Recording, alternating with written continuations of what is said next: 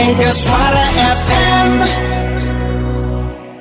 Sementara itu, CEO Indonesia Property Watch Ali Tranghanda mengapresiasi langkah pemerintah.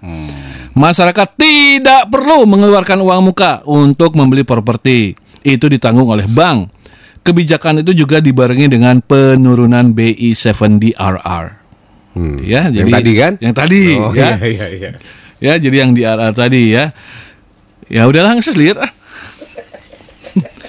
Kalau ini udah nggak berlaku sama orang-orang Tuban, Enggak lah. cash dia. Hmm. Orang Tuban Hmm. rata-rata per orangnya kan 8 miliar dapat Ya, ya, setelah tanahnya dibeli Tanahnya oleh dibeli kilang ya. minyak. Lampung. Jadi mereka itu sehari-hari sekarang udah enak. ya. DP 0 ah nggak main DP 0%. Cash. Ngelamar lu kerja di sana, Cash misalnya ngelamar, keras. ngelamar kerja. Hmm. Assalamualaikum. Assalamualaikum. Waalaikumsalam. Sopo iki? Odah. Mau apa ke sini? Saya bisa kerja, Pak, di sini. Mau jadi apa?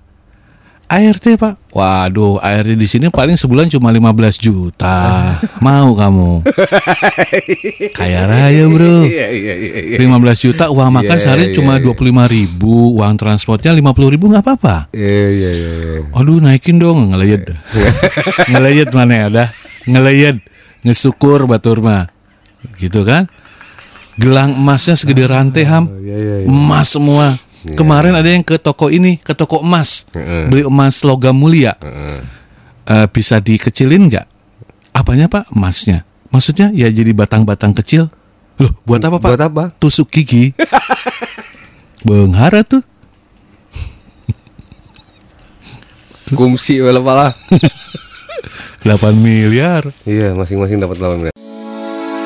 Mega Suara FM.